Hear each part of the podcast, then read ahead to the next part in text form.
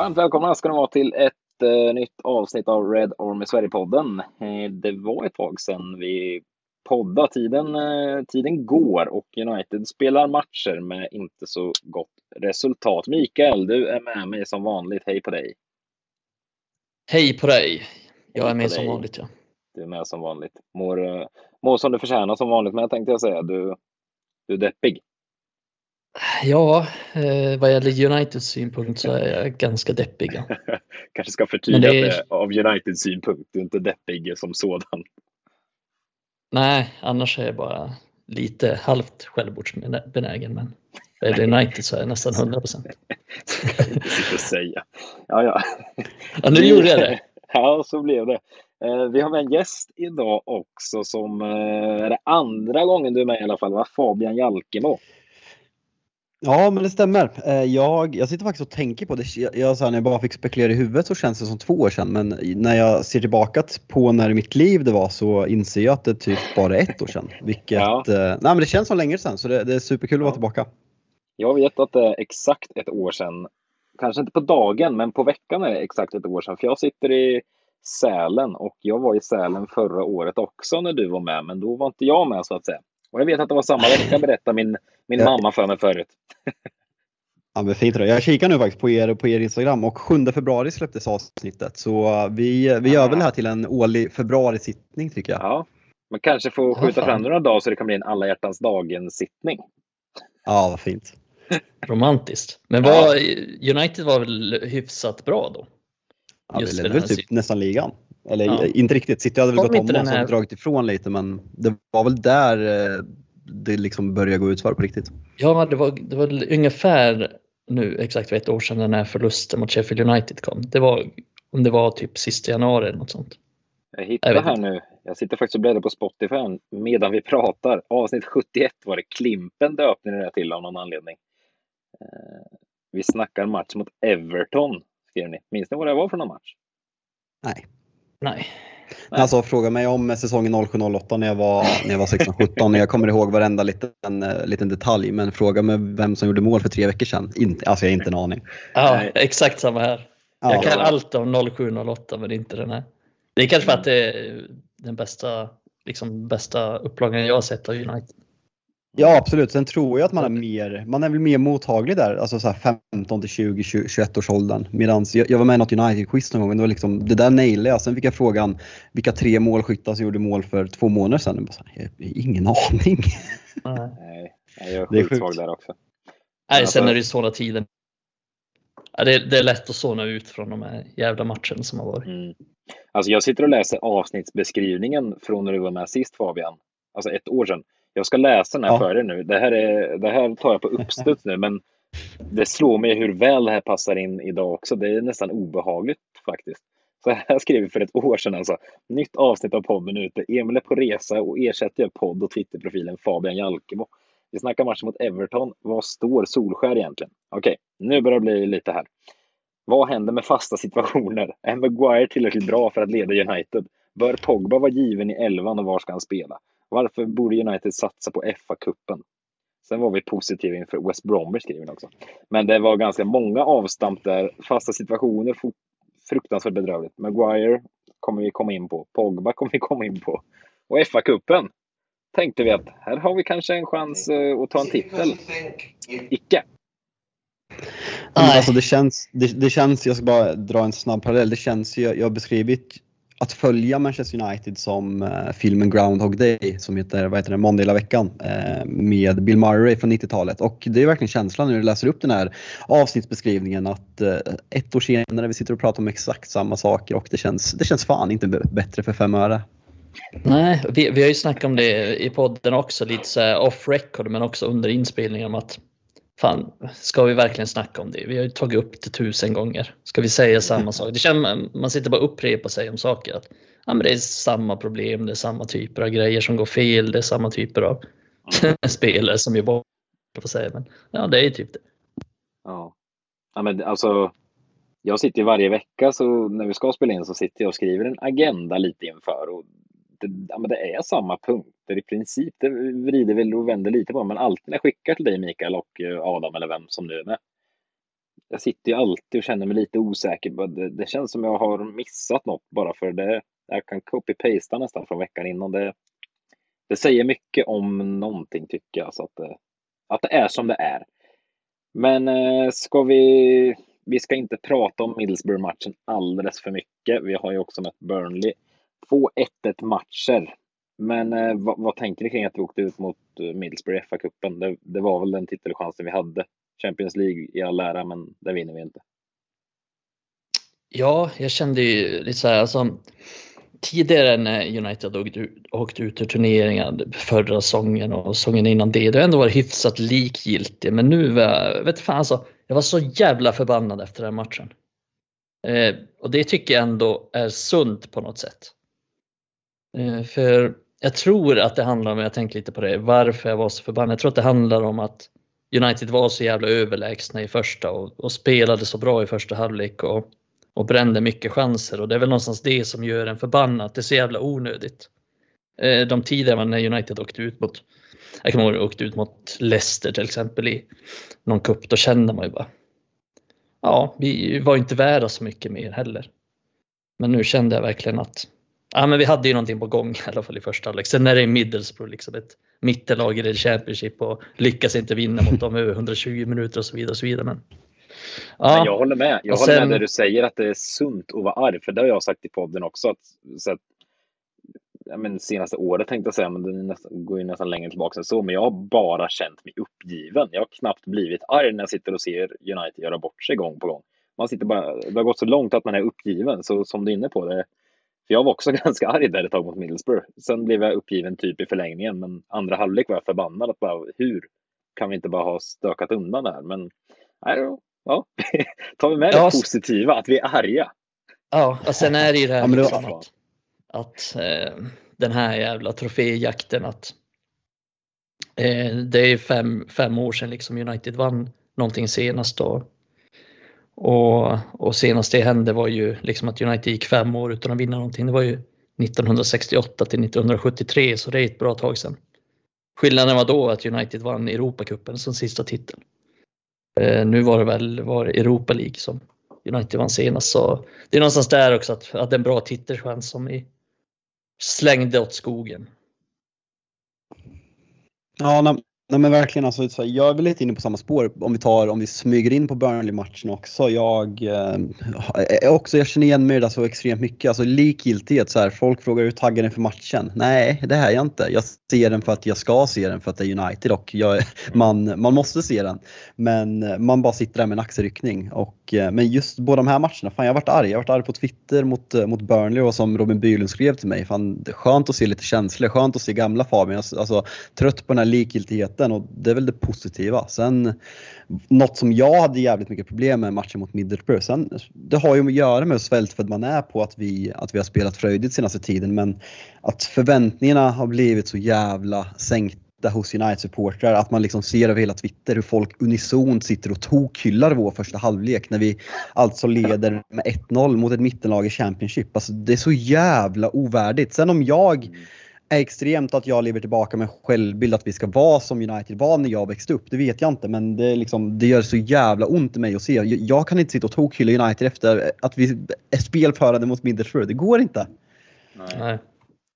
Jag... Nej, alltså det, jag, jag fattar vad du menar och håller med dig helt. Alltså, men sen är det ju samtidigt någonstans att man får ju börja kolla tillbaka på var vi är och var vi har varit. Alltså, vi har varit Självklart. så jävla fruktansvärt dåliga men jag förstår helt med vad du säger. Jag, jag kommer aldrig tokhylla det och säga bara fy fan nu är United back. Alltså det, det blir en ligatitel nästa säsong för att det här är så bra. Men små steg framåt eller någonting.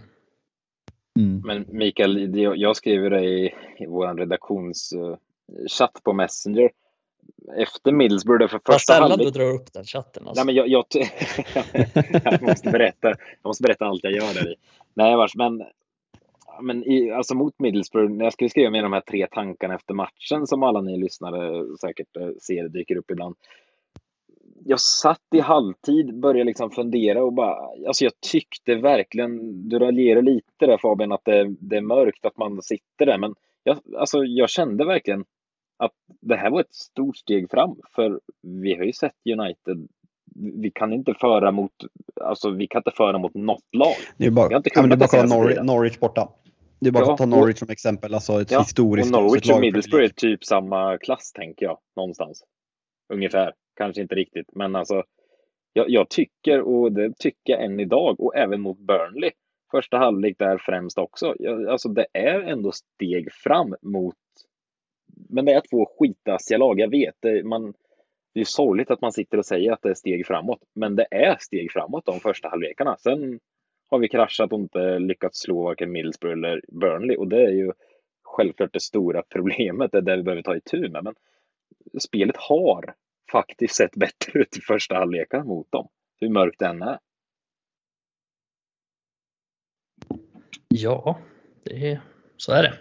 Ja, du säger inte emot? Ja, alltså, nej, men, nej, nej, nej men alltså jag, jag, håller, jag håller med dig och eh, det är, liksom, det är inte riktat mot någon kritik alltså så här, mot, mot folk som berömmer den. Det, ger, alltså så här, det, det är mer att det blir ett sånt jävla wake-up call på vart man står. Kanske ännu mer tydligt när, man- när, man, när man börjar spela bra och, och man ser hur mycket folk ja, men till viss del överdriver det för att det tidigare har varit så dåligt. Så det, det är väl en blandning mellan det. Sen ska jag säga så att vissa på Twitter var ju helt lyriska, vilket jag eh, har, eh, har eh, men eh, det är en annan historia. Helt lyriska. Fantastiskt. Ja, Ge mig det ni tar. Ge mig Ja. det ni tar. Ja, nej men, men ja, det, det är så svårt att säga att man liksom att det, det är så svårt att hylla den när det inte, alltså när, man klarar inte ens av att slå Middlesbrough Burnley så det är så mörkt så det finns inte. Men någonstans är det fall framåt faktiskt. Men eh, ja, delvis fall framåt. Men om vi ska gå in på den andra halvan, alltså så djupa som Dalarna kan vara i matcher är ju, det är ju mörkt åt andra hållet så att säga. Att, alltså lägsta nivån i det här laget är ju det, det är som att du och jag Mikael har pratat om det hundra gånger i den här podden känns det som.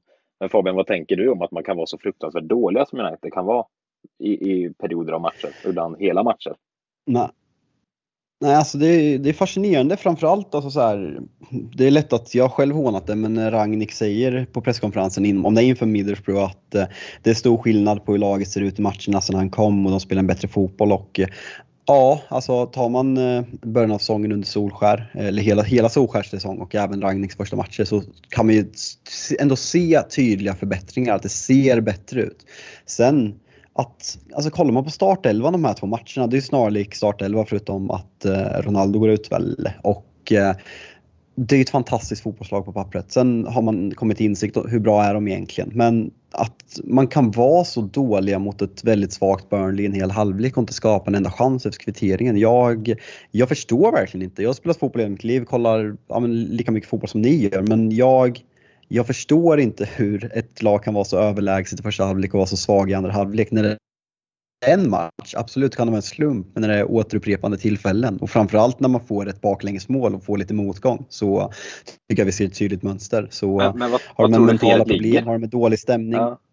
Alltså, på, alltså på något sätt landar jag väl i att det är en, en stor infektion i hela klubben. Att eh, vad, vad jag liksom kände så här i januari, folk ville ha den där mittfältvärvningen. Hade vi värvat en Haidara eller den här, vad, vad han nu heter som skulle komma från franska ligan. Eh, alltså de hade inte varit bättre än Fred. De hade inte varit bättre än McTominay. Kommer man in i United om man inte är liksom en Declan Rice typ så du blir dålig direkt för att det är en, det är en, eh, det är en, alltså det är en, vad fan säger man, det är, ja men det är som en, eh, ett virus att vad klubben än tar i så blir det fel just nu och det har varit så under en väldigt lång period vilket är djupt beklagligt.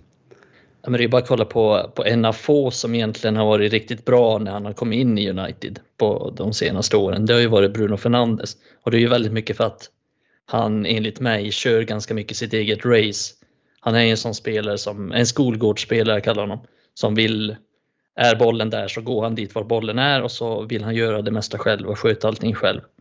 Och, och det är han ju liksom bra på i ett lag som inte haft någon struktur.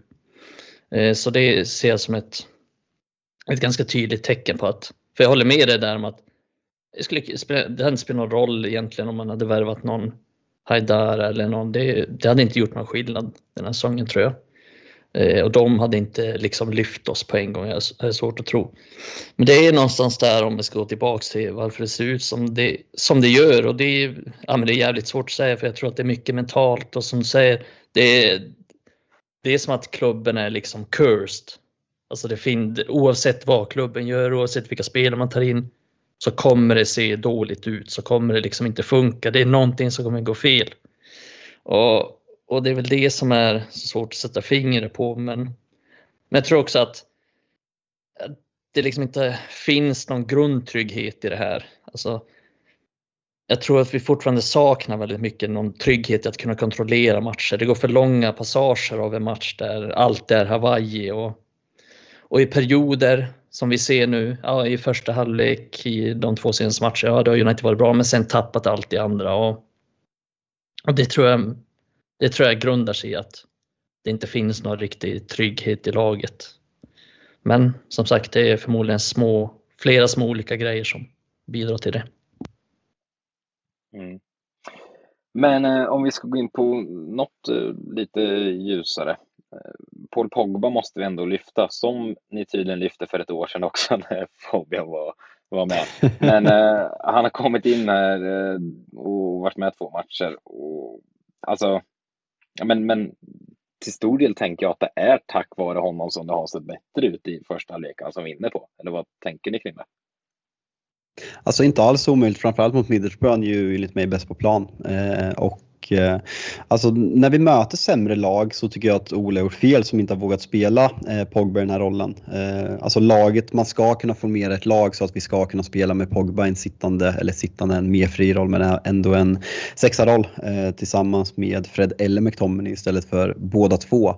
Men eh, sen samtidigt, som sagt vi pratade om det här förra året. Nu är folk så här, ja ska han skriva på nu? Nu är han bra igen, vill han spela under Ragnik? Alltså jag, jag går inte på det där igen. Alltså man har suttit och, och blivit lurad av Pogba så många gånger de senaste fem eller sex åren eller vad det är. När han har kommit tillbaka från en skada, och varit fantastisk och sen så tar det en månad så är han tillbaka till United Pogba igen. Så eh, jag, jag försöker vara neutral och inte, in, inte gå på det här igen. Men det är klart att han gör vårt lag fantastiskt mycket bättre. Han är i grunden vår bästa fotbollsspelare. Mm, ja, jag, jag tänkt mycket på det också. Det, det är intressant för att det är exakt varit så. Varje gång så har han kommit tillbaka så har han gjort några bra matcher. Sen har han kommit tillbaka i det här lunkandet och eh, liksom bolltapp och slarvet och det där. Men det är därför jag är lite intresserad av att se hur det kommer se ut framöver. För att jag har en liten känsla nu. Nu kan det vara så att jag är en av de här Twitter-positiva snubbarna. Eh, men jag tror att han kommer att han passar ganska bra in i Ragniks sätt att spela och jag tror att han kommer vara bra nu framöver under våren. För ja, han var, ja, han var bäst på plan mot Middlesbrough håller jag med om. Han var bra mot Burnley också tycker jag. Eh, och kunna få mittfältare som kan hålla i bollen, som kan lugna ner spelet. Och en annan sak som jag tycker att han och framförallt Sancho eh, har bidragit med det är att de är kreativa i och kring straffområdet utan att ge bort bollen. Eh, för, för det gör ganska många av de andra och framförallt typ Rashford. Han är ju hopplös på det där, Ger bort bollen hela tiden och även om han lyckas med en del saker så, så har ju inte den kontrollen och kreativiteten som till exempel Sancho och Pogba har. Och jag kände lite mot Burnley här när de tog ut McTominay så fick ju liksom, Pogba hade ju nästan mittfältet för sig själv vilket gjorde att han var ganska långt ner i planen och, och Burnley satt ju liksom bara tillbaks och, och väntade på att United skulle anfalla. Så då kände jag att det var lite slöseri det här sista, vad var det, 20 minuterna kanske. Som när, när McTominay gick ut som han bara liksom var alldeles för långt ifrån målet. Så jag vill ju ändå ha honom lite högre upp i någon slags mer så att han kommer upp i en mer box-to-box roll så att han kommer kommer upp till motståndarnas straffområde och får använda sin kreativitet. Men det fick han inte riktigt på slutet mot Burnley, tyvärr. Det är det som är svårt med Pogba och har varit svårt egentligen hela tiden. Vilket, vilket har blivit ännu värre efter Brunos ankomst egentligen. För vi har ju vi har aldrig sett Pogba spela med en världsklassmittfältare som kan hålla ett mittfält. Alltså de andra, de andra tre toppklubbarna, och om vi tar Arsenal också om man räknar in Thomas Partey, har ju den spelartypen i Rodri, Fabinho, i ja, men både Kanté och Jorginho som kan hålla ett mittfält på, på, olika sätt. Vi har ju inte haft den. Så sen, alltså det skulle vara så kul att se i engelsk toppfotboll exempelvis. Nu, nu, eh, jag kollat färdigt på Gary Nevilles eh, timmes intervju med Declan Rice på The Overlap och eh, besatt av karln. Alltså både som fotbollsspelare och eh, hur han verkar som person och ambition och le ledarskap. Att se Paul Pogba på ett tvåmannamittfält bredvid Declan Rice, hur det skulle bli, det, det kittlar ju för vi, vi har ju inte fått upplevt den. Pogba ska ha ansvar men vi, vi har ju inte gett honom rätt förutsättningar för att bli den spelaren han kan vara i Manchester United. Men hur Nej, mycket- verkligen hur mycket har ni inte. gett upp hoppet Jävligt bra poäng du har. Alltså Fabian, det lät som i början, i början förut av din utläggning lät det som att du har gett upp hoppet rätt mycket på Pogba ändå. Men vad känner ni i sommar? Är det bara man gör eller vill liksom förlänga och knipa skinken och Ja. hoppas att han någon gång är bra i mer än två matcher? Eller vad, vad känner ni? För jag är ju jag är av åsikten att Pogba är den bästa fotbollsspelaren i Manchester United med hästlängder emellanåt. Men som ni är inne på, det är ju två av tio matcher som man får se det. Det är ju där problemet ligger. Jag vet knappt själv vad jag känner längre om jag skulle vilja ha kvar honom eller inte. Men man kan samtidigt inte sitta och säga att vi borde göra oss av med den bästa spelaren i laget. Det är så, det är så märklig situation Nej, att ja. få med honom. Ja, exakt. Och du, ja, men du, du säger ju det här till, till mig. Alltså så här, du, jag hör ju själv när jag säger det. Först säger jag att jag har gett upp, sen sitter jag och argumenterar för att han vore fantastisk med om vi värvar en Declan Rice. Så, Ja, men så Alltså, man känner jag också med Pogba. ja, men man är ju verkligen, man, det är hjärnspöken i huvudet och man manipulerar sig själv mellan, för att citera Håkan Hellström, mellan eh, tro och tvivel. Eh, vad heter det? Och, eh, men jag landar, om jag får säga nu, att han för Uniteds bästa borde lämna. Ja, men det tror jag också någonstans att hans tid på något sätt är över. Är inte det också lite Håkan Hellström? Min tid är över? Nej, Ah, din, din tid kommer. Din tid. Där är svag. Motsatsen. Men har han inte också min, det ska vara, jag vill att det ska vara min tid, din tid är över. Ja, Han har det, det är över Det nu, kom- gyllene tider.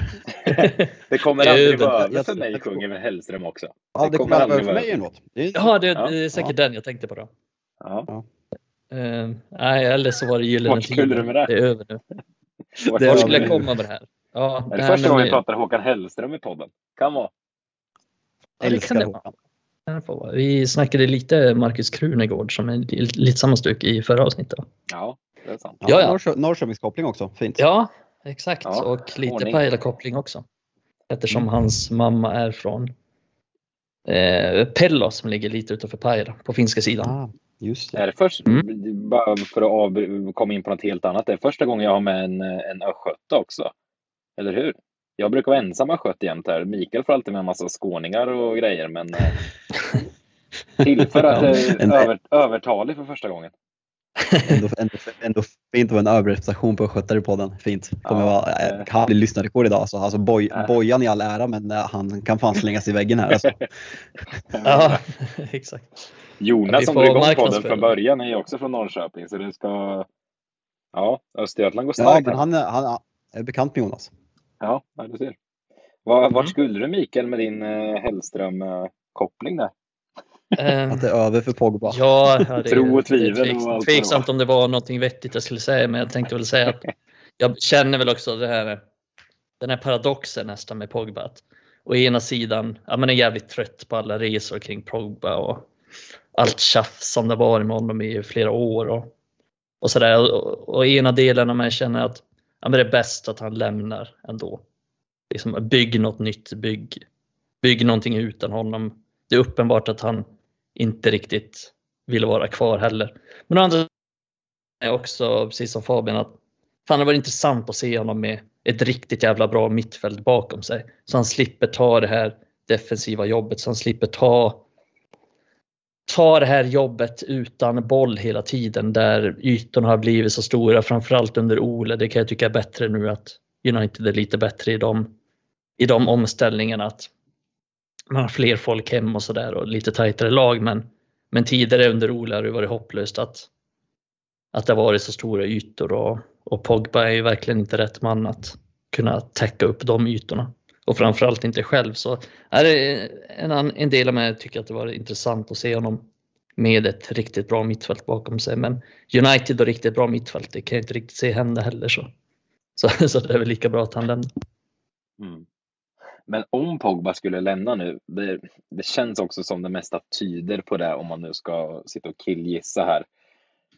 Vad, det räcker ju inte med en värvning på innermittfältet då, utan då behöver vi definitivt två. Alltså någon som kan ta någon form av ankarroll på mittfältet och någon kreatör. Eh, I alla fall vad jag tänker. Vad, vad tänker du kring det här Fabian? Alltså grejen är att Ja, alltså vi, vi behöver verkligen ankarrollen. Eh, vi säger att det blir Dick Rice eh, för att namedroppa honom för typ åttonde gången här. Eh, Eh, men vi säger att det blir det. Då har vi ändå, så jag tror att ett mittfält med Declan Rice, Scott McTominay eh, och Bruno Fernandes ändå är ett bra. Sen har vi Fred och van de Beek där bakom. Sen tror inte jag på van de Beek oavsett vem som kommer som tränare. Det skulle vara om, eh, om Ten Hag kommer och liksom slår liv i honom för att han vet exakt hur han spelar från Ajax-tiden. Men alltså så här, nja, jag skulle väl inte säga att det är ett för dåligt bredd på det här mittfältet. Matic har väl ett år kvar på kontraktet så då har vi ändå ja, men riktigt bra med, med, med Rice, McTominay och Bruno och sen så har vi alltså Fred, eh, Fred van der Beek och Matic på, på bänken. Så det skulle vara om vi sålde någon mer. Annars tycker jag nog att den lagdelen är ganska färdig om vi, om vi skulle byta till Pogba mot Rice. Mm, alltså jag skulle ju ändå vilja se någon, en mittfältare som kan driva upp tempot och driva upp spelet lite. Och visst, Rice kan ju det men då hade jag kanske velat se Rice ha, ha den mer så defensiva rollen och sen kanske en annan mittfältare bredvid som är lite mer box to box, alltså kan driva upp tempot, som kan driva upp spelet och kan vara lite mer kreativ kanske i sitt passningsspel. Eh, så jag mm. hade nog ändå velat ha två till mittfältare, men det beror på mycket också på hur man tänker. Hannibal kommer fram som, nu lär inte Ragnik vara kvar i och för sig, men Ragnik gillar ju honom och Ragnik kommer ju ha en del att säga till om förmodligen vad gäller värvningar. Eh, så det, det kan ju absolut vara en spelare som man satsar på. Så det beror lite på hur, hur man tänker kring de situationerna också. Men det jag tycker är viktigast är att få, få in en mittfältare som kan liksom försvara. Du nämnde tidigare Fabian att Liverpool har till exempel Fabinho och Fabinho är ju väldigt mycket Matic, typ McTominay och Fred i ett, alltså i en spelare. Mm. Medan vi, ja, han är fantastisk. Ja, medan vi till exempel har, ja men Matic han kan menar, han har liksom den här defensiva stabiliteten i sig, men han kan ju knappt springa längre. Och McTominay kan, McTominay kan bara springa, liksom. men han har ingen defensiv koll på vad han har bakom sig och det ser vi till exempel på målen på Burnley. Och det tycker jag han ofta gör, liksom att han chansar och går bort sig lite och gör sådana saker. Sen är ju Maguire den, den största boven. Ja, Nej men absolut, men det är inte med Tommy att han får lite för stort defensivt utrymme. Han är mer än, men om vi, om vi går dit vi inte ska gå egentligen och går till Liverpool, han är mer en Jordan Henderson typ bredvid Fabinho.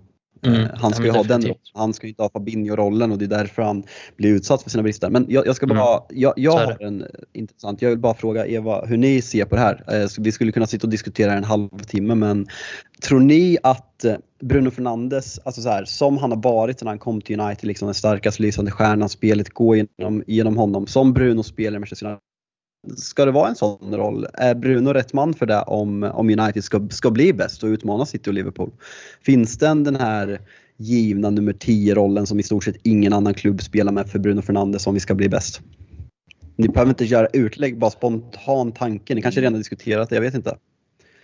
Mm. Ja, alltså, ja, men vi har ju diskuterat det lite och framförallt jag har väl varit inne på att jag inte tycker Bruno Fernandes är en världsklass mittfältare. Jag tycker han är en världsklass anfallare. Liksom. Han gör mål och han assist mm. och han är jävligt bra runt kring straffområdet. Men jag vet inte om jag tycker att han är, han är en bra mittfältare. Liksom. Men jag vet inte om jag tycker att han är världsklass i liksom speluppbyggnad, i, i sitt defensiv, i, i att hålla i bollen, liksom, i att ta rätt beslut. Det tycker jag inte att han är. Och jag har svårt att se att Pep Guardiola hade starta med Bruno Fernandes. Eller åtminstone hade han in, inte liksom den spelaren nu. Sen kanske han hade försökt förändra Bruno. Det är möjligt att Bruno kan förändras, att han kan vara en sån som ja, men ibland bara lugna ner sig lite. Andas, ta tag i bollen, spela hem den, håll i den lite. För det tycker jag han har svårt att värdera. Eh, och framförallt under framförallt den här säsongen tycker jag. Där han när liksom, han, har inte, han har inte gjort lika många mål, inte lika många assist. Och det är delvis för att han spelar längre ner, men det är också och det har också gjort att han har blivit lite mer desperat, att han har försökt slå de här avgörande bollen när det inte funkar för honom, att han bara fortsätter och fortsätter. Och Mm. så, så lyckas det liksom inte. Och, och när, när han misslyckas med allt det, ja, men då är han jävligt dålig, rent ut sagt. Men sen kommer det ju tillfällen där han till slut sätter den i sista bollen och så vinner United med 1-0 eller någonting. Men nej, jag, jag, hade ju, jag har en teori eller en tanke här om att jag hade velat se honom som någon slags falsk nia, speciellt nu när våra strikers har varit rätt svaga. Att man liksom får upp honom i den rollen, att man förstärker mittfältet snarare men fortfarande har hans kreativitet där framme för hans kreativitet där framme är, den är världsklass. Mm. Men jag är ju... Mm, nej, intressant take på det där falska. Mm. Men jag är ju lite, jag är lite av åsikten att förutom defensiva stabiliteten som inte finns i United så är liksom det, det, det andra ungefär lika stora problemet. Det är att vi inte är dominanta i spelet.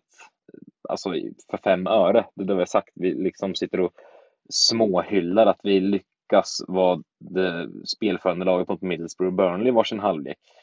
Det är ju där vi befinner oss och i att utveckla det spelet som jag tycker är liksom, det, det måste vara prio att utveckla det. Uh, jämte att utveckla stabiliteten. Och där ser jag faktiskt inte Bruno. Han, eh, han sprider för mycket bollar som, som ni är inne på. Alltså det, det ska vara avgörande bollar. Så fort han får bollen ska han slå avgörande passningar och det ska vara, han, han får ju inte det här han får inte United att bli det spelförande dominanta laget. Så ja, som Mikael säger, kanske, kanske få honom högre upp för han ska inte vara den som har bollen i uppbyggnadsfasen. Jag tycker det är fel någon gång då och då. Och om vi jagar mål på slutet till exempel. Visst, genom bollen, slå ett par chanspassningar. Men inte i minut 23. Där vill jag inte se honom vara den som ska liksom försöka styra spelet. För det, det har inte han. Och jag har ju drivit tesen eh, delvis i podden också att alltså, Bruno har blivit lite överskattad i folks ögon tror jag på grund av den extrema poängproduktionen han har haft och den extrema poängproduktionen kommer han aldrig kunna hålla i. Och, och den har ju dalat den här säsongen också så då, ja, jag tror vi tappar mycket av det vi har fått från honom då att han inte kommer kunna hålla i det. Så ja, Mm. jag, jag har flaggat för det förut att jag är lite oroad för, för Bruno för han har aldrig varit en extremt världsklass fotbollsspelare som du säger Mikael och försvinner den extrema poängproduktionen då, ja, då står vi där med en spelare som det är klart han är fortfarande bland de bättre i United såklart, men det är problematiskt, det tycker jag. Mm. Mm, men det är också något, alltså, han är ju fortfarande den, den spelare som gör mest av minst så att säga. Han gör Mm. extremt mycket mål sett till de målchanser han får. Okej, nu missade han öppet mål mot Middlesbrough, men han är ju en överpresterare. Liksom. Han får, alltså kollar man på så expected goal så har han typ, nu har jag inte de siffrorna framför mig, men jag vet att han, har, han är den som har överpresterat överlägset mest i United.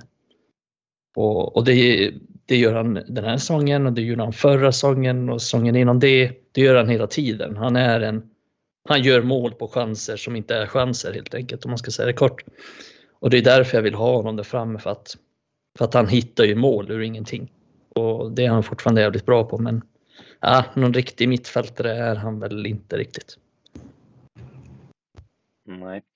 Ja, det är intressant att diskutera mittfältet, men eh, som ni är inne på, det kan vi sitta och göra bra jäkla länge. Men en annan spelare som vi ändå måste toucha vid också, som har vuxit på senare tid, tycker jag. Jag vet att Mikael håller med också. Jadon Sancho, och framförallt mot Middlesbrough Burnley här kanske, så har han... Eh. Fan vad mörkt det är alltså, att sitta och säga att ja, Middlesbrough Burnley. Den Han, han, har, han, han, har fått, han, han- han kostar 72 miljoner pund och har varit bra i två halvlekar mot Middlesbrough Burnley. Bäst i världen. Ah, vad bra det ser ut! Jesus. Ja, Nej. man, sitter, man sitter och känner att vi borde stryka punkten.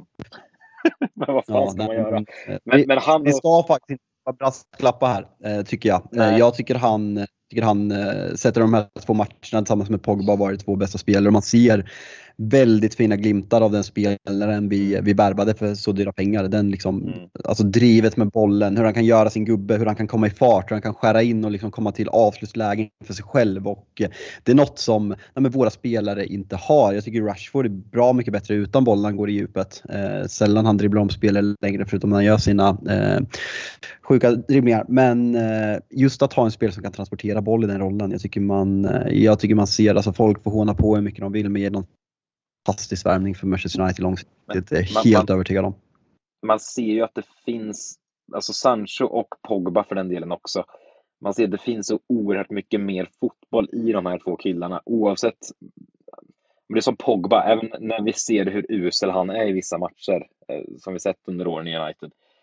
Någonstans ser man ju ändå på en fotbollsplan att det finns fotboll i killen och nu vet vi det där sedan tidigare såklart. Men samma sak med Sancho tycker jag. Man ser och han visar det mer och mer, men man ser att det, alltså, vad ska man säga, råtalangen, kan man säga så? Ja, det kan man väl. Alltså man ser råtalangen i honom är ju så mycket högre än i många andra spelare i United och den börjar få ut lite, lite mer. Absolut inte eh, uppe i, i det vi ska kunna kräva av honom med den prislappen och det han har presterat i Dortmund det är ju flera år. Men när man börjar få se den här råtalangen komma ut och det, jag tror att vi kommer ha enorm nytta av den här gubben i många år framöver. Framför Ja, men det är väl typ som, eh, jag tror att du tänker mycket på så grundkapacitet och det, det har Ja. han ju. Han har ju den här verkligen. grundkapaciteten. Jag tycker att han och Pogba är våra två bästa fotbollsspelare. Men sen har vi Mm. också det ständiga problemet att eh, alltså om vi kollar på våra yttrar, Sancho, Elanga och Rashford, så är alla de tre bäst som bäst på vänsterkanten. Och vi har det fortfarande det här problemet. Ja, vi har ingen riktig spelare på högerkanten. Eh, jag satt och tänkte här nu att Fan, det skulle vara intressant att se ändå, typ så här för balansens skull, att man skulle ha typ Pelistri på högerkanten.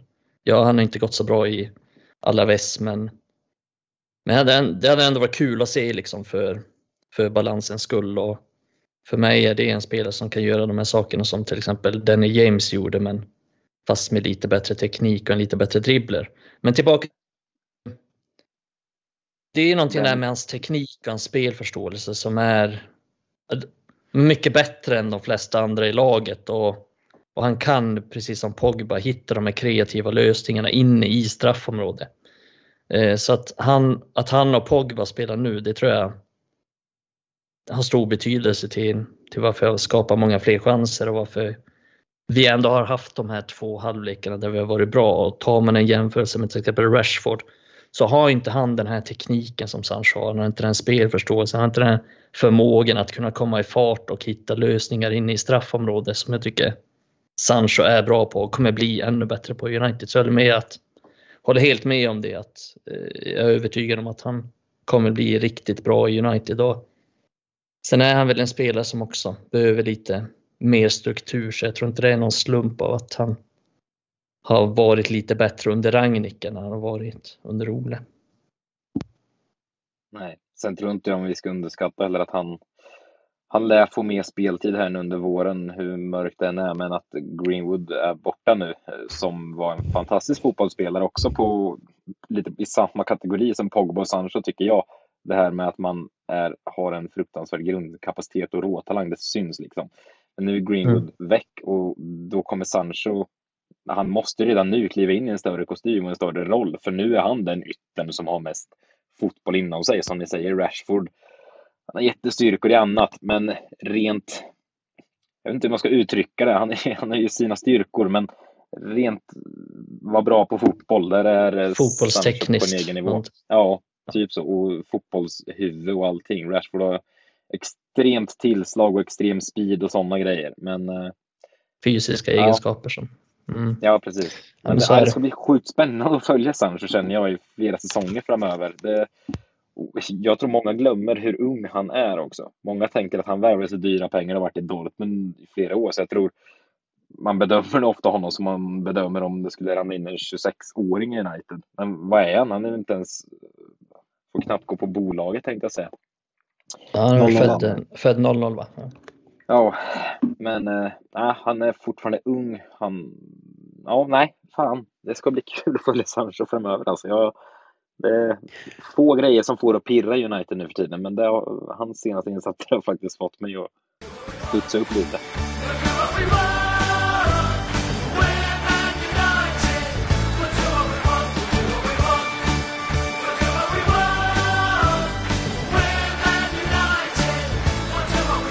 Eh, men om vi ska, ja, Sancho och Pogba, det är väl de två små ljuspunkterna vi har haft. Eh, och har man pratat om ljusa grejer i United så måste man såklart ner på botten igen eh, och vara realist tänkte jag säga. Men anfallspositioner måste vi nog diskutera. Där är ett enormt problem just nu skulle jag vilja säga. Jag tycker inte jag överdriver när jag säger det. Cavani och Ronaldo är båda ur slag så det sjunger om det tycker jag. Ronaldo har fått rätt mycket kritik senaste matcherna och eh, Cavani fick nu starta här mot Burnley men jag såg inte att han var med på planen tänkte jag säga.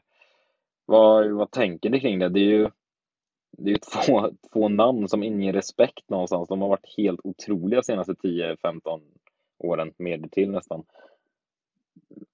Är de för gamla? Är de mätta? Är de trötta? Vad, vad händer? Vad kommer vi få ut av dem under våren tror ni?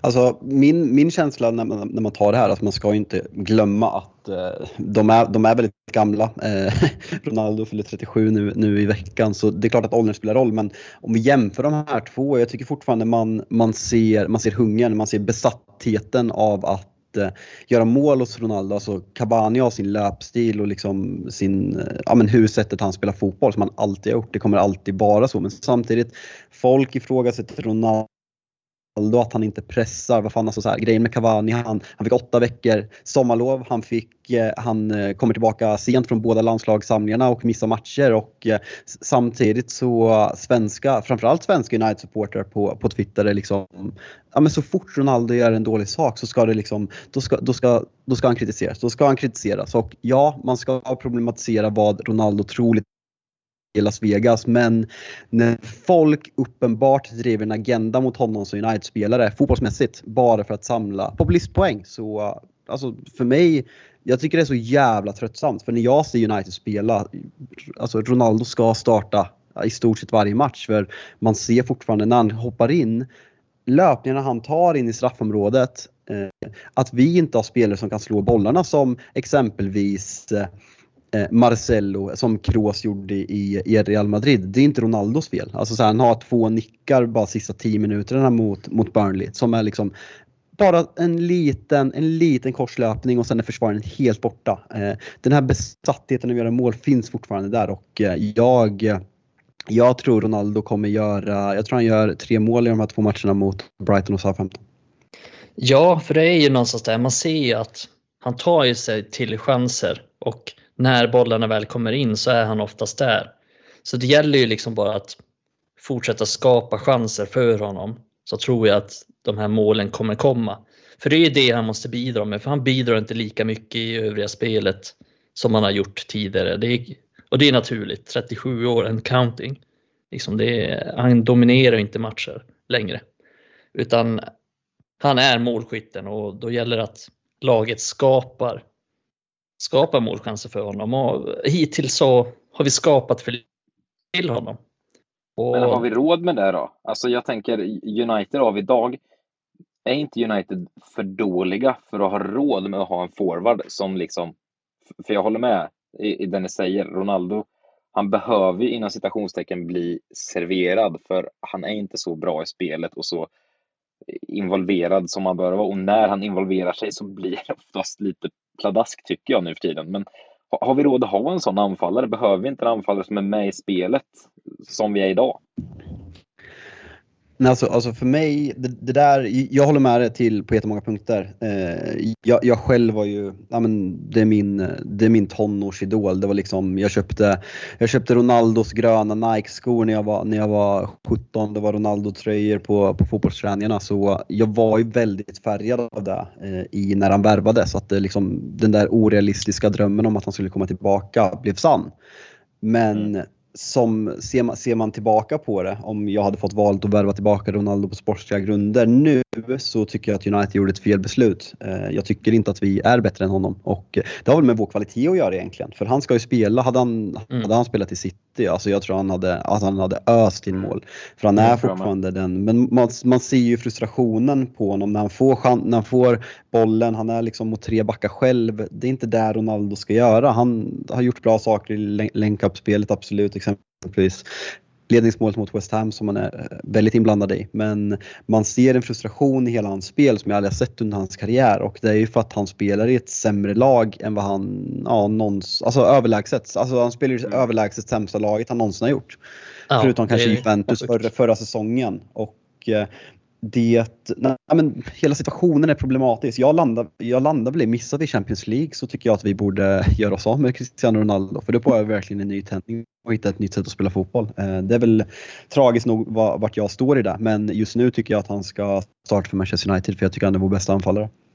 Ja, jag tycker han ska gå före Cavani. Vad fan, Cavani har två mål den här säsongen.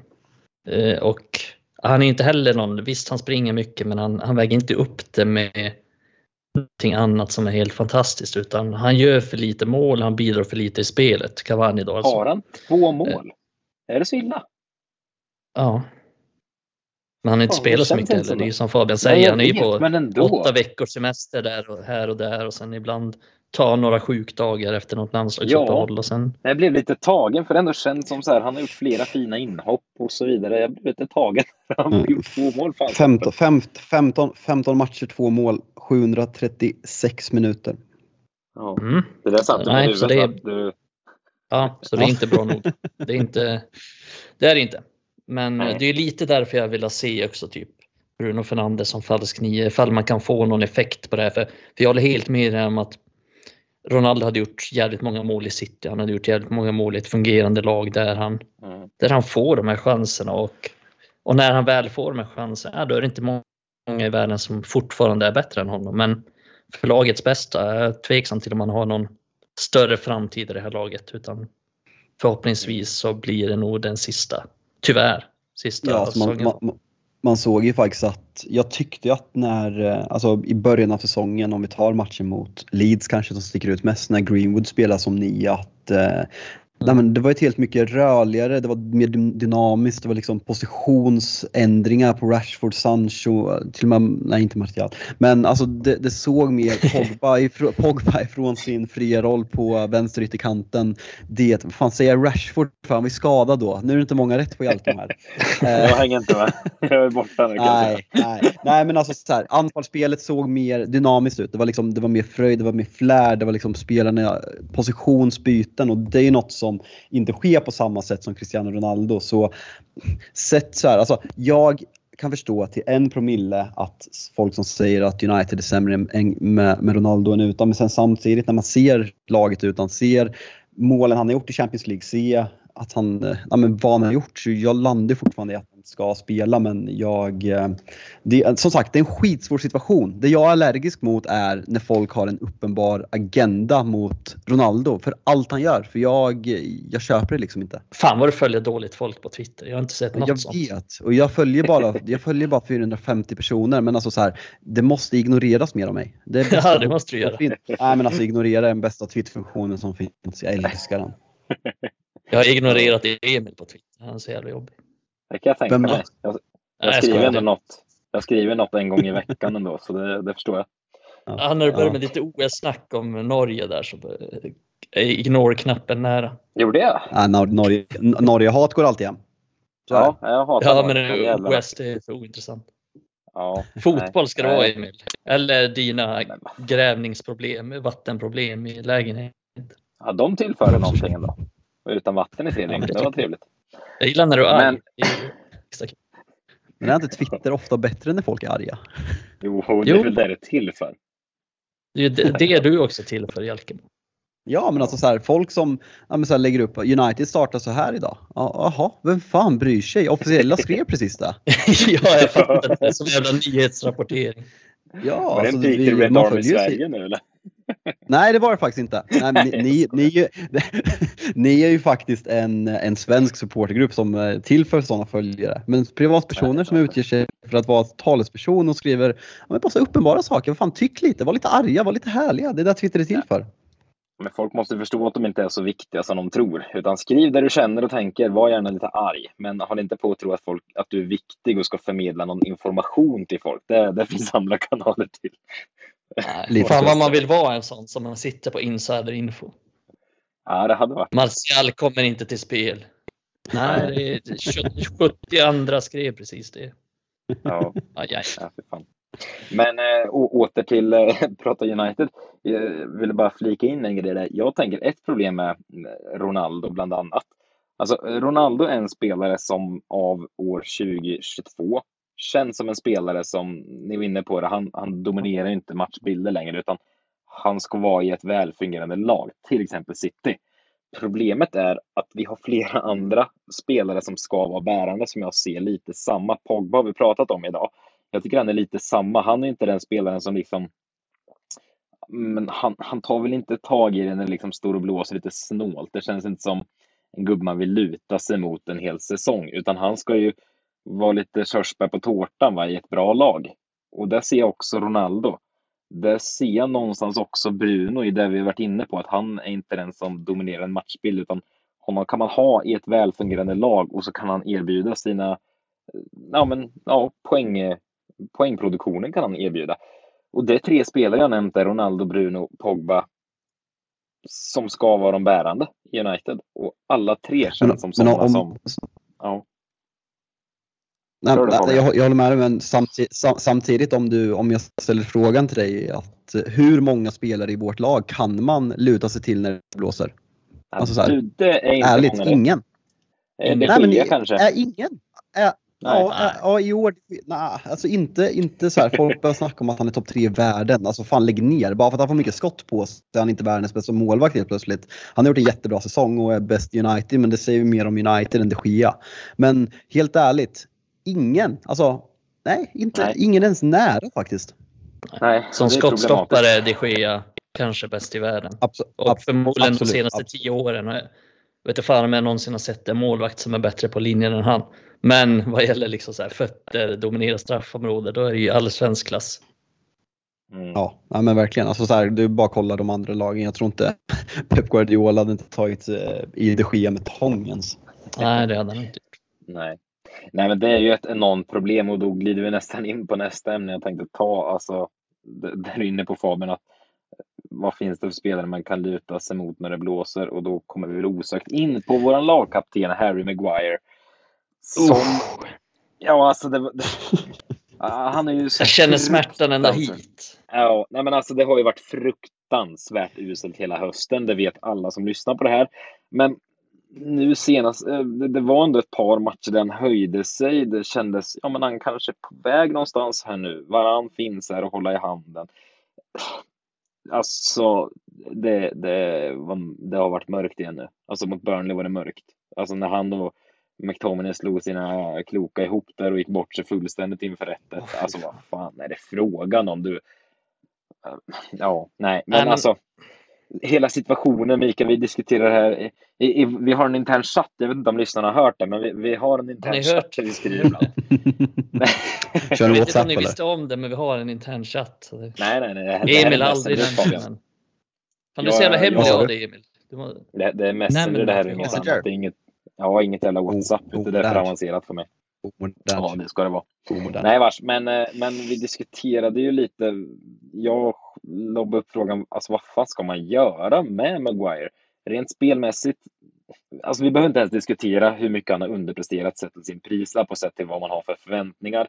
Han har gjort det ganska bra för England, i Leicester gjorde han det bra. Alltså det, det behöver inte ens sitta och diskutera här känner jag nu, att han har underpresterat sedan han kom till United. Sen har han även ändå någonstans när han kom och ett tag framöver, han visade ändå någonting, det känns lite mer stabilt, men alltså sett över hela perioden, alltså det, det är ju IG rakt igenom om det betygssystemet nu lever. Men alltså situationen, om vi bara tittar framåt nu, vad ska man göra med Maguire? Alltså den prislappen man betalar för honom. Han är kapten fortfarande. ja, ni berättar vad man ska göra. Fabian, dig har jag inte diskuterat det här med.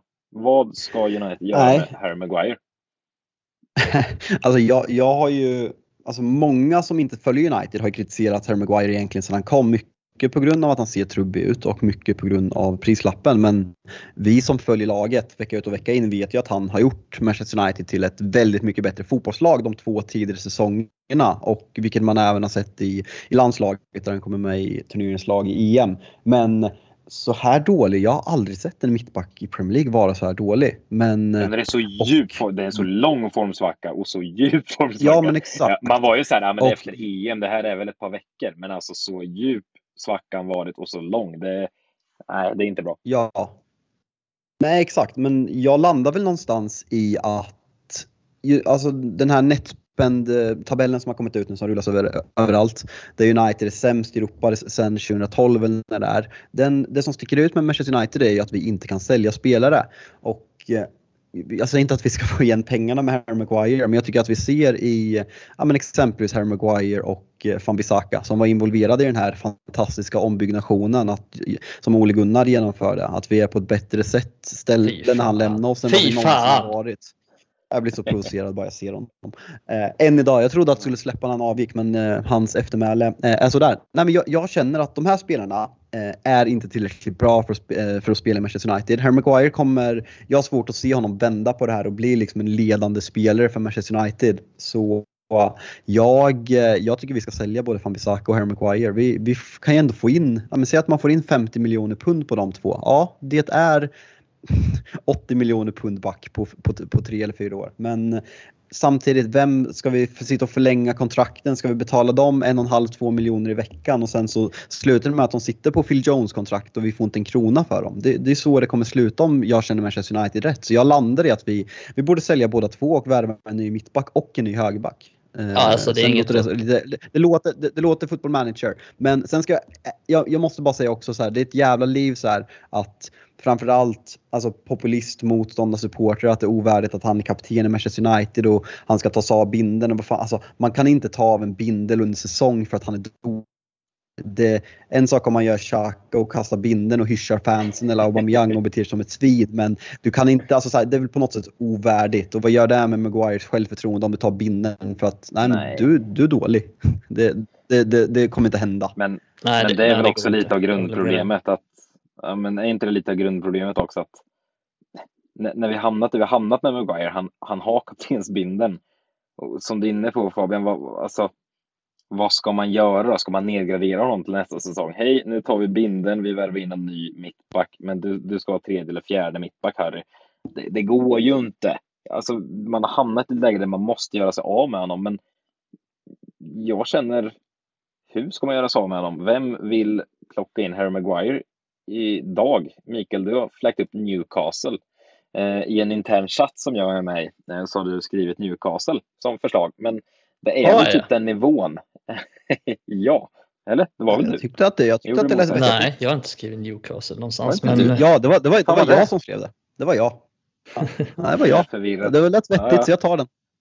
Det var någon som skrev Ja, någon men alltså- chatt i alla fall. skitsamma, men jag, jag kan Ja, köpa det det. med Newcastle. Jag, att Newcastle kan köpa honom. För mig så, så är Maguire så här, alltså det, det, jag, jag tycker att den blir så jävla ensidig den här debatten med Maguire, den blir så jävla svartvit. Så Maguire, om han används rätt, tycker jag, så är ett, i ett lågt stående försvar, till exempel i England under EM, då är han, han är en rätt bra mittback. För han kan ta bort bollar, han kan nicka bort bollar, han är hyfsat stabil i det spelet. Eh, men United som har stora ytor där backlinjen får ganska lite hjälp, där han hela tiden sätts i en mot en situationer, ja då håller han inte helt enkelt. Det gör han inte. Han är för långsam, han är för klumpig, han är för dålig en mot en. Han är för osmart en mot en. Han, han gör osmarta saker som målet nu mot Burnley. Men jag tycker ju liksom att det är ett stort problem vi har att våra backar och mittfältare, och det är inte bara han sig utan det är flera andra också. Eh, Men om vi tar det här, vad ska man göra med Maguire? Jag är inne på, precis som Fabian, att sälj honom. Sälj fan, Fambisaka liksom. Dra inte ut på det. Ta beslut. De här ska säljas. Det kommer finnas lag som, som vill köpa dem. Visst, Maguire har en ganska hög lön och sådär, vilket kan bli ett problem med försäljning. Men det kommer inte vara så svårt att, att liksom sälja in honom till något annat lag. Alltså jag tänker typ så Everton, Newcastle, den typen av klubbar kommer ju ändå vilja ha honom. Och jag tror att han kommer vara ganska bra i någon av de klubbarna också. Eh, så, så det är väl vad jag skulle göra. Liksom. Dra inte ut på det, försök få sålt dem på en gång för de har ingen framtid i United. Det är, det är fel köp helt enkelt. Förbannad Kommer vi göra av oss med dem i sommar? Ja, jag vet inte. Alltså, har vi typ Ten Hag som tränare, inte en chans. Han, han spelar inte Fambisaka en minut. Han ser ja, två minuter behöver han se, sen bara sälj den här jäveln. Oh my ja, god, verkligen. spela men. Nej, och det är det som har känts så här, om man får vara lite positiv med, med något som Ragnik. För Solskär kändes verkligen som att de kunde göra vad som helst och de spelade dem ändå för att det var hans, han hade lagt väldigt mycket prestige i de här värvningarna och investerat väldigt mycket pengar. Eh, Medan Ragnik, eh, alltså nu jag är tämligen övertygad om att Vigge och Varann kommer spela på, på lördag. Så eh, det tog eh, ja, Maguire har ju redan petats en gång sen Vigge försvann väl lite på grund av det som hände med, med Maja och barnen. Men känslan är att han spelar, spelar helgen så det tog alltså två månader för, för Ragnik att peta både Maguire och, och Fambisaka. Så om, om Ragnik tillsammans med nya tränare får vara med och bestämmer det där så tror jag inte alls att det är omöjligt. Sen som sagt, det är Uniteds ledning, alltså så här, under Woodward. Det säger väl det mesta att Dan James vår, ja, förutom ja, Di Maria och Lukaku som bara varit katastrofala värvningar. Där, där ska det också sägas, där insåg vi problemet att det inte funkade och sålde tidigt. Frågan är om vi kan göra samma sak igen. Det vore, det vore ändå positivt. Mm. Nej, men Di Maria sköttes ju bra för att vi fick tillbaka typ allting för honom. Så det blev ju mm. Det blev ingen förlust där egentligen. Så det, men nu får man inte tillbaka allt såklart för varken för Fambisaka eller Maguire men kan åtminstone få, få någonting och och det tycker jag vore värt. Alltså, säger du, som du säger där Fabian, får man säg 50 miljoner pund för de båda tillsammans där, då det är bara att ta det. Alltså det är bara att ta förlusten och, och försöka göra det bättre nästa gång. Mm. Ja, Daniel James, två kassar i veckan. Eh, det är ingen vi ska värva tillbaka då. Fan. Otroligt. Jag vet inte hur det går till alla som har hört den här podden vet vad jag tycker om Daniel James. Men eh, kul, han verkar vara en bra kille eh, faktiskt. Kul, så, det, bra för honom. Det, där är så, det, där är så, kul, det där är så kul när man lyssnar på, så här, på amen, så här, folk som olika poddar som pratar i olika forum att det finns alltid så här en gubbe man har ett drev mot. Jag har ju, jag har ju Fambisaka som jag har drevat mot eh, sedan han kom det, egentligen. Så det, det är kul där håller jag din hand kan jag säga. Ja, det är skönt. Det känns att folk börjar, de har börjat greppa min hand nu. Det tog väldigt lång tid. Jag har fått skit att jag är besatt ja. av det här drevet. Men det är jag som står jävligt rakryggad nu och eh, vad var det jag sa? Ja, men, alltså han har, han har, ja, han har kunnat bli tacklad. Han är fruktansvärd. Ja. ja, det är han fan ta med. Daniel James också. Jag har en, jag har en gammal så Ja, jag, alltså jag har en gammal så ehm, jag brukade alltid kolla under uppväxten Champions League hos en kompis och så alltid hans, liksom, hans pappa hemma och hans kompisar då, pappans kompisar, så var det en, en som sa då om, om Jison Park, sa han, fotbollsspelare nej, terränglöpare ja. Och det tycker jag väl var ganska hårt mot Jison Park, även om det var roligt. Men det känner jag med Fampisaka. Fotbollsspelare nej, terränglöpare ja. Det, är ändå, det där tycker jag är ändå ett hån mot terränglöpare. förstår ja, ni, förstår ni grovt det, det är min agenda är nu eller? Det är något annat han är men så är det. Jaha. Ja, fy fan så det kan vara. Men eh, vi ska glida in lite på innan vi avslutar här. Eh, vi har lite kommande matcher att spela som eh, lär spelas innan ni hör oss nästa gång igen. Eh, Southampton ska vi möta i helgen och sen har vi Brighton på tisdag om inte jag minns helt fel här nu. Eh, vad, ja, vad tänker vi? Börja med Southampton. Det, det känns lite, lite otäckt tycker jag. De är inte skitdåliga, även om många kanske tänker att de är ganska dåliga. United ska såklart slå dem eh, alla dagar i veckan om man kollar på pappret och så vidare. Men vi vet ju hur illa ställt det är med United. Vad känner ni inför att möta Southampton? Det är lite ångest va?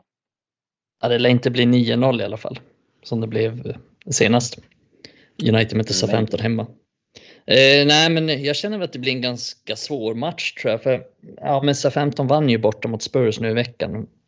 Såg i första halvlek där, 62 procents bollinnehav, 15 skott mot mål. Första halvlek borta mot Spurs.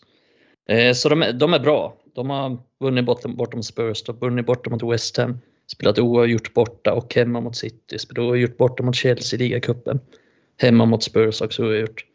Jag har ändå sett dem en del och jag tycker de är de är rätt bra, men alltså det finns, de har ju ändå en del svagheter som man kan utnyttja. De pressar ju väldigt högt och chansar med många spelare väldigt högt upp.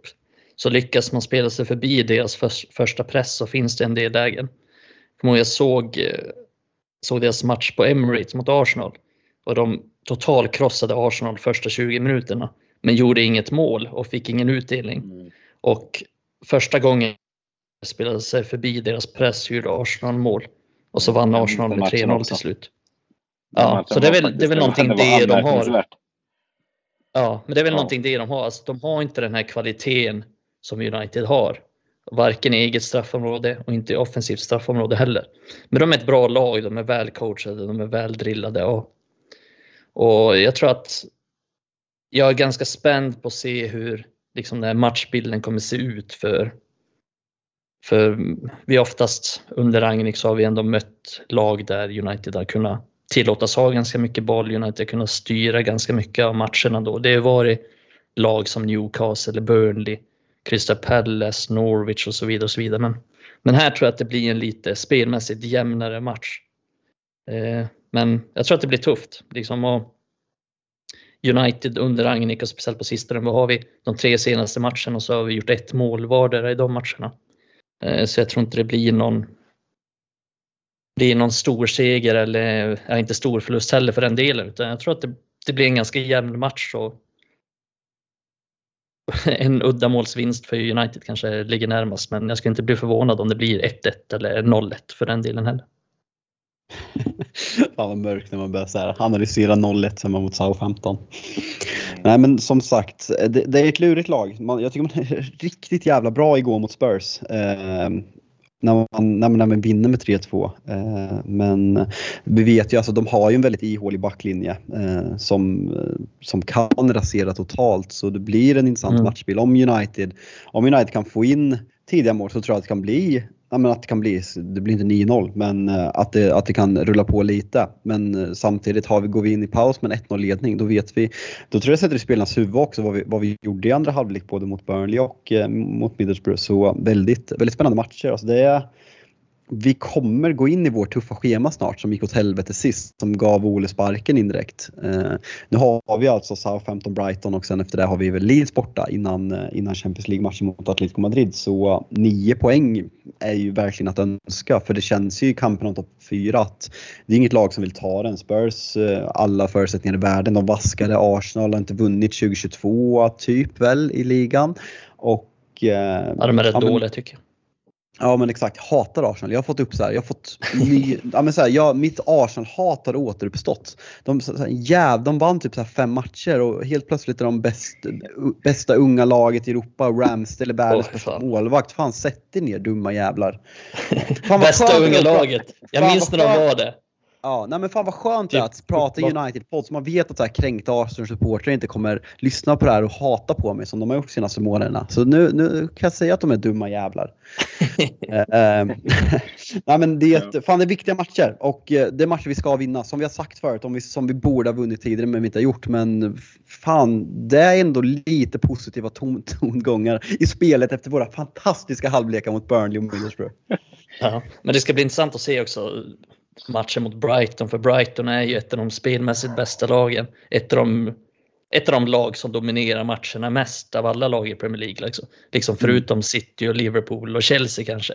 Så är ju de där fyra, femma, sexa liksom. Vad gäller bollinnehav, vad gäller ytor de kontrollerar och sådana saker. Och SA-15 är ju också rätt bra på den typen av saker. Som sagt, 62 procent bollinnehav efter första halvlek mot borta. Det är, det är riktigt jävla starkt. Eh, så, vad, vad så det är jag mest spänd på, hur de matcherna kommer utspela sig spelmässigt. Men vad tycker ni United borde göra i sådana matcher där det är liksom det, det är lag där man liksom tänker bara att okej, okay, här ska United vara spelförande och dominera, tänker man lite slarvigt. Vi möter Southampton och Brighton, det är klart det ska vara så. Men om vi ska vara realistiska, alltså vad, hur borde United tackla sådana här matcher? Alltså är det för skämmigt att liksom ge bort taktpinnen? För alltså mot Brighton till exempel, jag, jag tror ju vi har större chans att, att, vinna och göra det bra om vi sjunker ner och ger dem bollen och liksom spelar på kontringar, typ. Men det, det är bara koll. vad tänker ni? Ska ja, man ge bort taktpinnen eller ska man liksom försöka möta de här lagen i rent spelmässigt? Alltså Southampton tycker jag att vi ska vara bollförande med att vi har kvaliteter för att göra det. Sen som sagt, det är läskigt men vi måste fan klara av det. Sen Brighton, det är bara att kolla, alltså, matchen mot Wolverhampton är inte jättelångt ifrån. Vi, vi är fullständigt utklassade på hemmaplan av Wolverhampton. Vi kan inte föra spelet och de är, de är helt överlägsna. Och det är klart att man är rädd att något liknande ska ske mot Brighton. Så där tror jag absolut att United skulle gynnas över och sjunka lite lägre och eh, ställa om. Sen i en sån matchbild, det, det är där Ronaldos problem ligger. Att Uniteds trupp på många sätt är ganska mycket bättre när vi ligger på kontring och den matchbilden kan vi inte spela med Cristiano Ronaldo vilket blir ett problem. Cavani är inte heller optimal för han är inte den Cavani som folk vill att han ska vara som han var för 5-6 år sedan. Och, och Mason är också borta nu så vi har inte riktigt så, så, bra som det var för två år sedan. Att liksom vi hade Rashford, vi hade Greenwood, vi hade, vad fan hade vi mer? Daniel James. Eh, Daniel ja, James.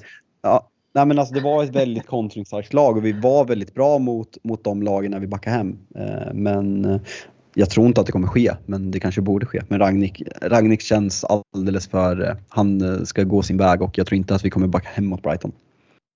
Nej. Svårt att se också. Nej sorgligt också. Vi ska inte backa hem mot Brighton, det är sorgligt. Men, men det är där vi är. Det blir spännande mot Southampton att se Ralf mot Ralf, ska vi väl också tillägga på, på sidlinjen. De två känner ju varandra eh, väldigt väl. Eh, tyskarna, så det blir intressant i sig eh, att se, kan jag tycka. Gegen mot Gegen tror jag du skrev, skrev Mikael, men ja.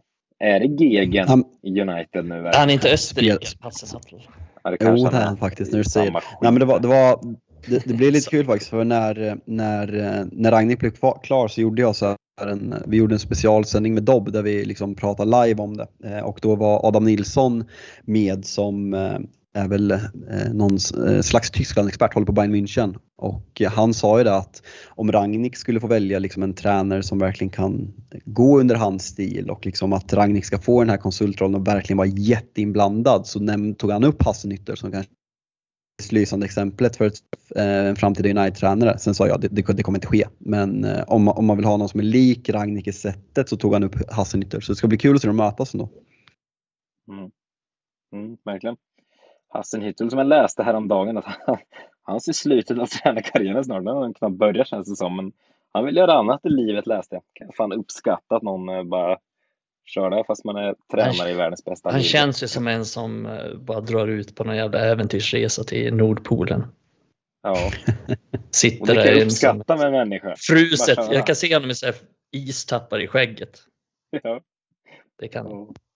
Brottas med en isbjörn eller Ja, det blir, eh, ja, det är med skräckblandad förtjusning som vanligt som man eh, ska bänka sig och se, se United spela fotboll. 13.30 har jag scoutat in att det är på lördag för då ska jag sitta på O'Learys i Tandådalen och se eh, matchen mot Southampton. Det har jag löst. Om någon är glad United-supporter som hör det här i Sälen, välkommen till mitt bord på Tandådalen där. Det ska bli spännande. Negativitet. Eh, kul ju.